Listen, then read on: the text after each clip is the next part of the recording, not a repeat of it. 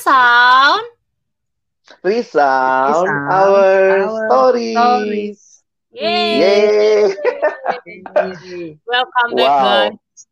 Mm -mm. Dengan dengan kita kita suara-suara yang beginilah yeah. intinya begitu ya. eh tapi uh, sebelum itu ya gue mau bilang thank you banget buat teman-teman feedback dari mereka tuh menurut gue yeah. uh, membuat kita jadi bersemangat untuk membuat konten-konten ya bang dan Ernest Betul. ya nggak sih? Ya maksudnya yeah. ternyata uh, yang dengerin dapat berkat itu senang banget ya. Iya benar-benar nah. benar. Maksudnya kayak kan di Spotify kan ada ini ya, ada setahun ini lo dengerin apa aja, terus yeah. akhirnya banyak juga yang ngetek kita. Iya yang kayak gitu-gitu dan kita nggak berekspektasi bakalan banyak yang dengerin, tapi rupanya feedback dari teman-teman tuh banyak juga yang dengerin dan mm-hmm. masukan banyak sih itu akhirnya membuat kita jadi semangat. Yang kita pikir nih sebenarnya didengerin gak ya uh, apa namanya omongan kita ada yang dengerin gitu. Alhamdulillah ya sesuatu. Iya. Itu nah, jadi uh, penyemangat.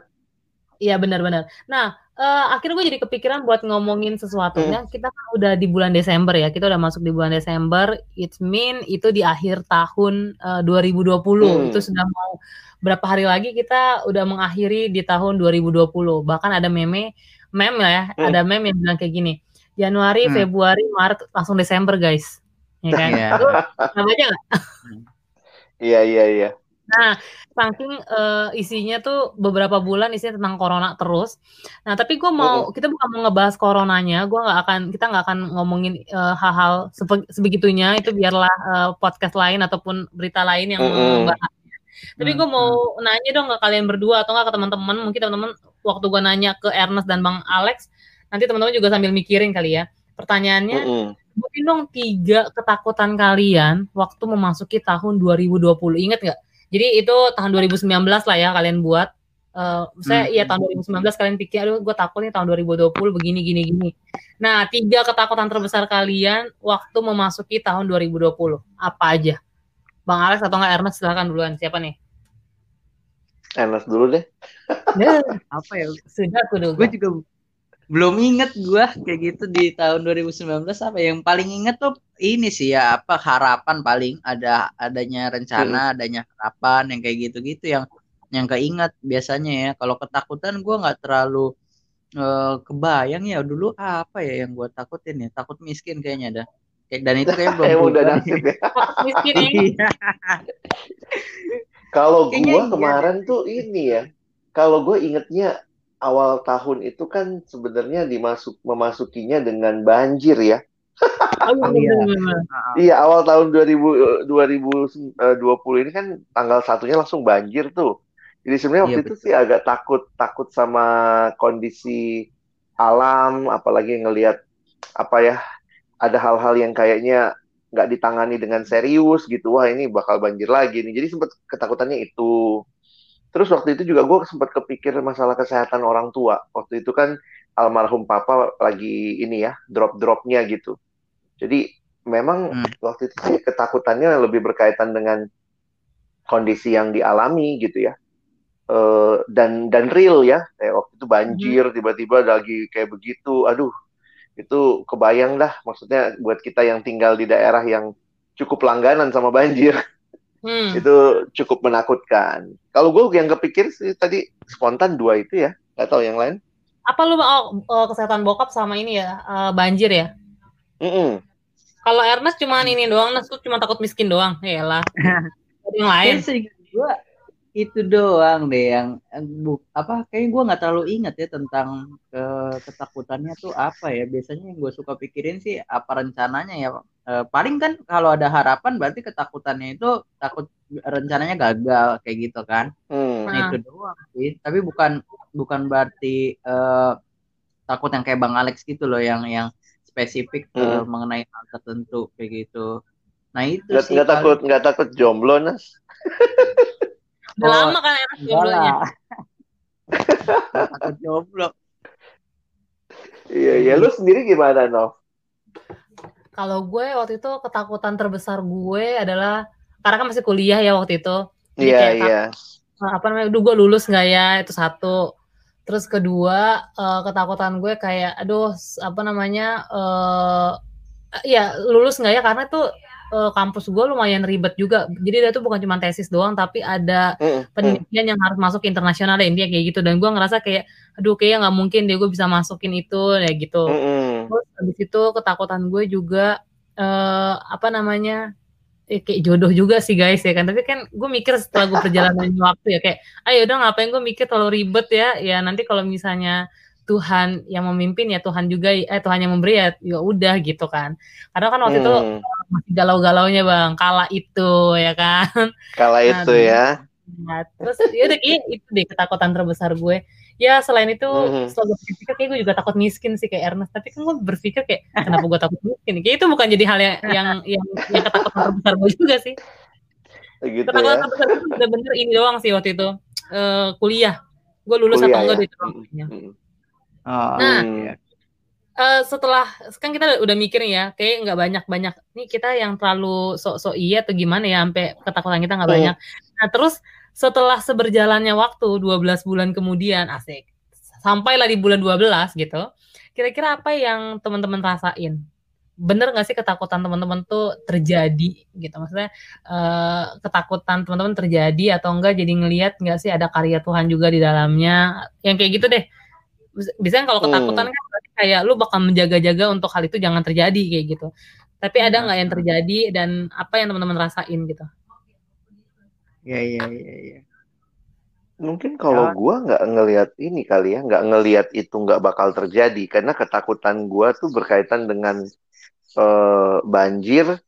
Jadi sebenarnya lebih bersikap waspada sih, waspada nih jaga-jaga nih kalau ini terjadi gitu ya karena ya realitanya kan banjir masih terjadi. Penanganannya juga kayaknya nggak serius-serius amat gitu waktu itu ngelihatnya jadi uh, kayak ada banyak pihak yang abai gitu nggak nggak terlalu care dengan situasi. Jadi waktu itu sempat kepikir ini aja. Waktu itu gue lebih berpikir masalah pelayanan sih.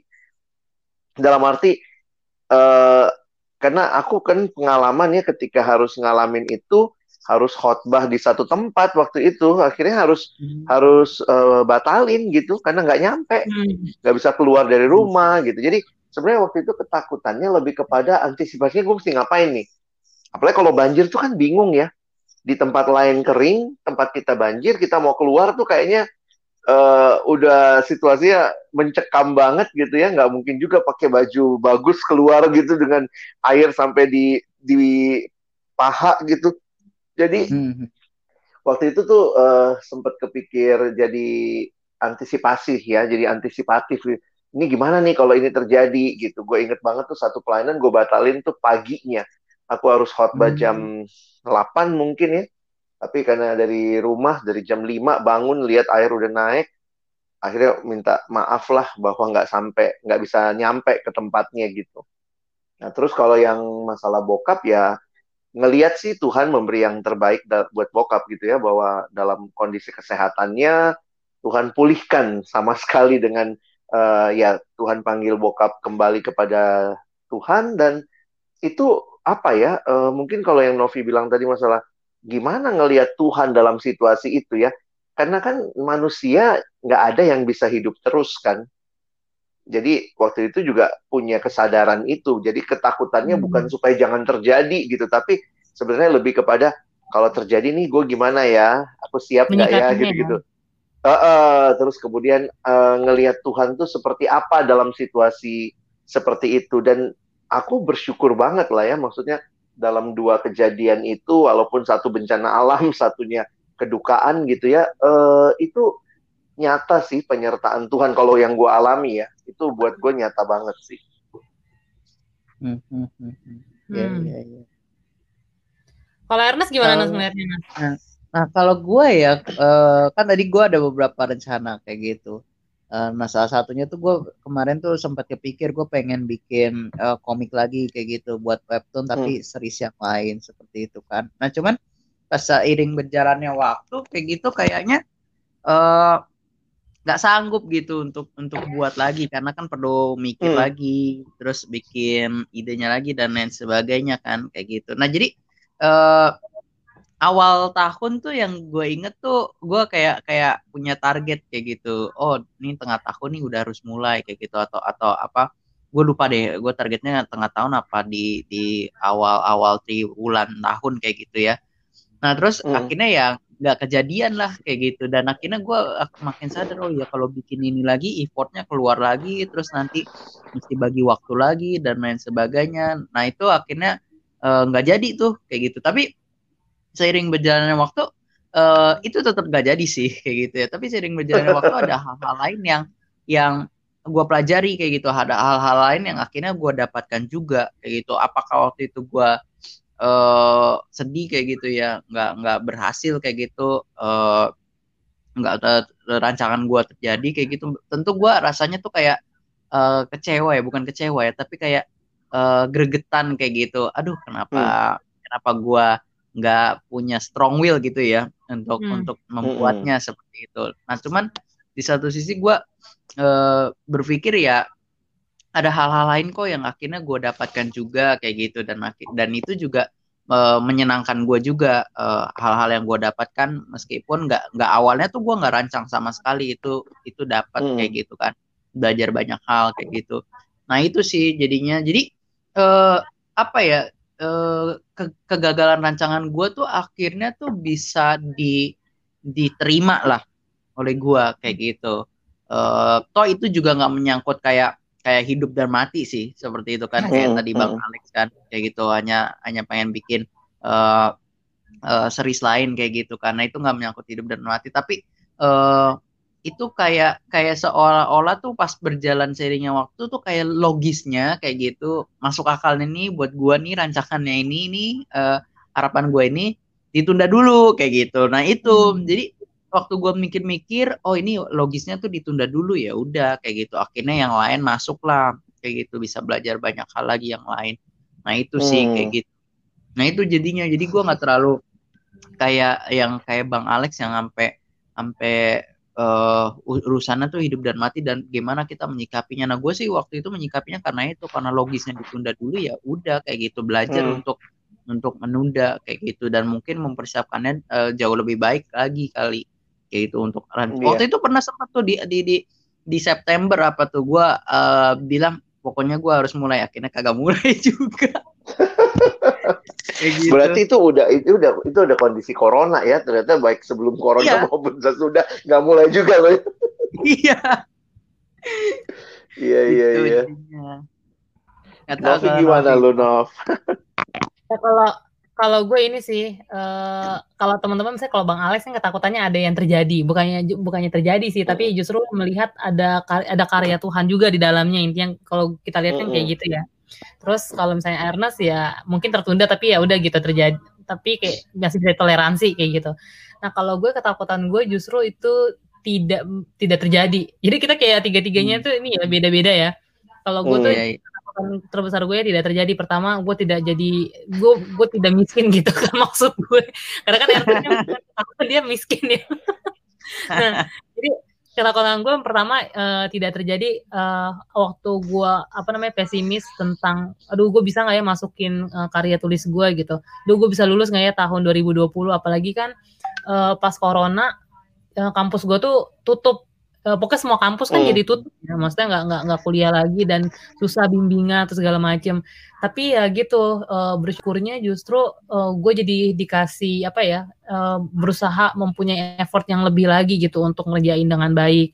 Terus gue juga kayak belajar lebih banyak lagi jadinya. Dan apa ya uh, ketakutan gue tuh bener-bener nggak terjadi gitu. Waktu itu gue bener-bener hmm. berserah sama Tuhan. Kayak uh, Tuhan beneran beneran gak ya gue bisa lulus ya akhirnya gue jadi bergantung sama Tuhan gitu yang gue lihat hmm. jadinya tuh kalau dari kita lihat yang gue lihat ya dari dari cerita kita bertiga tuh jadi setiap kita mungkin punya ketakutan tapi kayak hmm. kayak apa ya nggak nggak nggak nggak semuanya tuh bakalan terjadi karena ada seizin Tuhan ya nggak sih itu yang gue lihat sih dari lu bang hmm. gimana bang? Kalau gue ngeliat jadi lu lu ini sudah corona dong Nov ya? Nah, sarjana corona ya. Tidak, guys, bete banget oh, gitu ya. Karena Iya. Kalau kalau gue ngelihatnya akhirnya bener ya, ada satu kutipan yang lagi berkesan buat gue. Kutipannya hmm. kira-kira ngomongnya begini ya.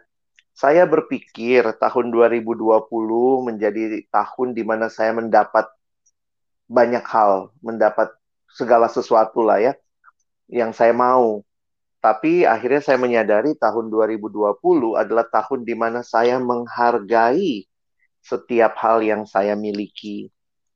Karena memang hmm. akhirnya uh, mau mau kita kehilangan, mau kita mendapatkan sesuatu ya buat kita orang percaya ngelihatnya sebenarnya gimana kehadiran Tuhan ya bentukan Tuhan buat kita kayak kita aja nih pengalamannya beda-beda tapi sebenarnya akhir tahun ini jadi kesempatan buat kita refleksi lagi ya sebenarnya pertanyaannya bukan cuman apa yang lu dapat apa yang lu nggak dapet sih tapi sebenarnya di mana hmm. Tuhan siapa Tuhan yang makin jelas buat buat hidup lu gitu dan hmm. gue bersyukur sih bahwa maksudnya sharing kita paling nggak bisa merangkum uh, berbagai ekspektasi ada yang kejadian ada yang nggak kejadian ada yang masih ditunda tapi hmm. sebenarnya hmm. kita ngelihat hal yang sama sih ya bahwa ada proses dan kayaknya kita jadi dewasa dengan proses itu. Iya.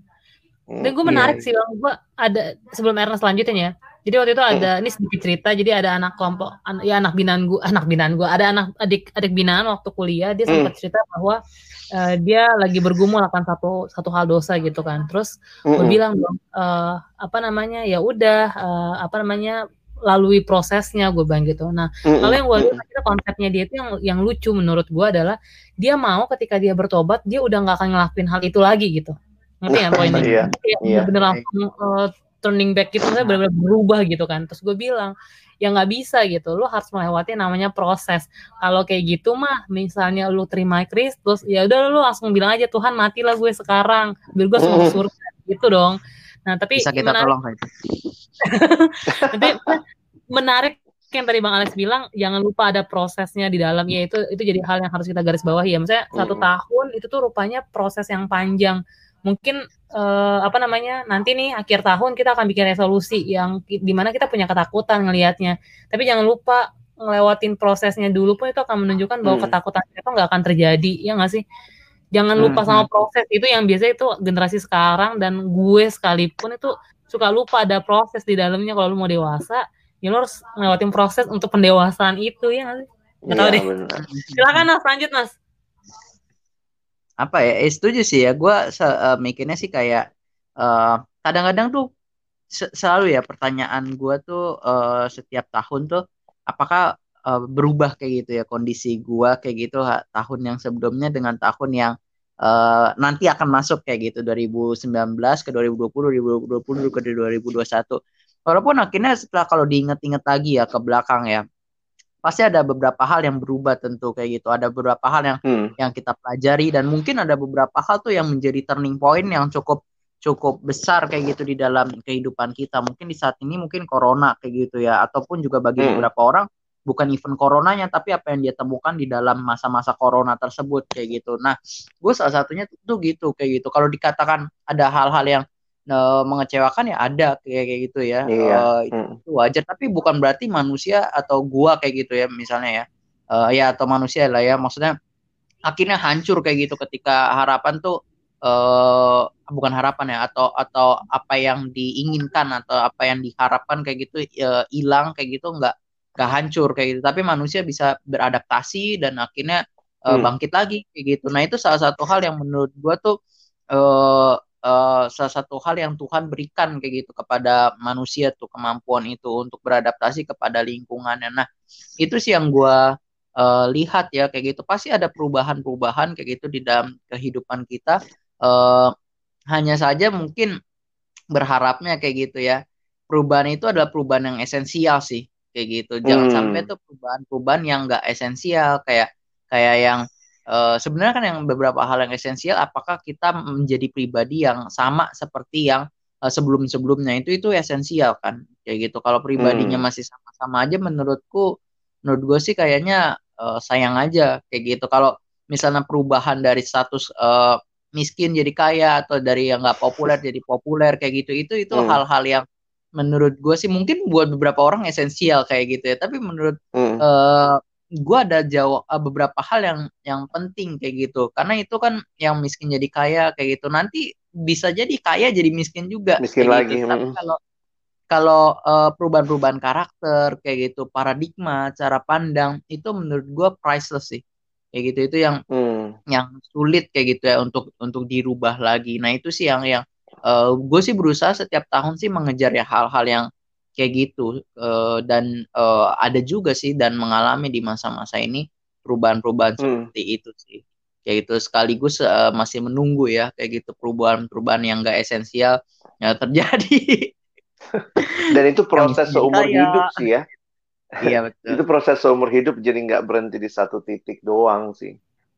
Jadi ya buat teman-teman yang iya yang dengerin jangan berhenti berproses gitu ya jadi kita juga hmm. berharap akhir tahun jadi kesempatan teman-teman bisa refleksi lagi bisa melihat ya paling tidak uh, melihat uh, siapa Tuhan di dalam hidup teman-teman lihat juga hmm. bagaimana perubahan hidup yang teman-teman alami sehingga uh, apakah akhirnya kita jadi uh, pribadi-pribadi yang akhirnya bisa semakin baik lagi di tahun ke depan. Oke, okay, hmm. mungkin segitu dulu dari kita. Berharap uh, perenungan ini juga bisa teman-teman maknai ya dalam hidup masing-masing. Dan kalau mungkin mau share ya supaya kita bisa dengar juga cerita teman-teman. Uh, jangan lupa ya Ernest kita ada di Instagram. Instagramnya ya. namanya apa Ernest friendsound.id Iya, silakan tag kita kalau teman-teman mungkin share sesuatu. Dan uh, tentu terus juga dengerin Spotify kita, kita akan hadir dengan konten-konten lainnya. Oke, segitu dulu ya. Sampai jumpa teman-teman. Bye. Bye.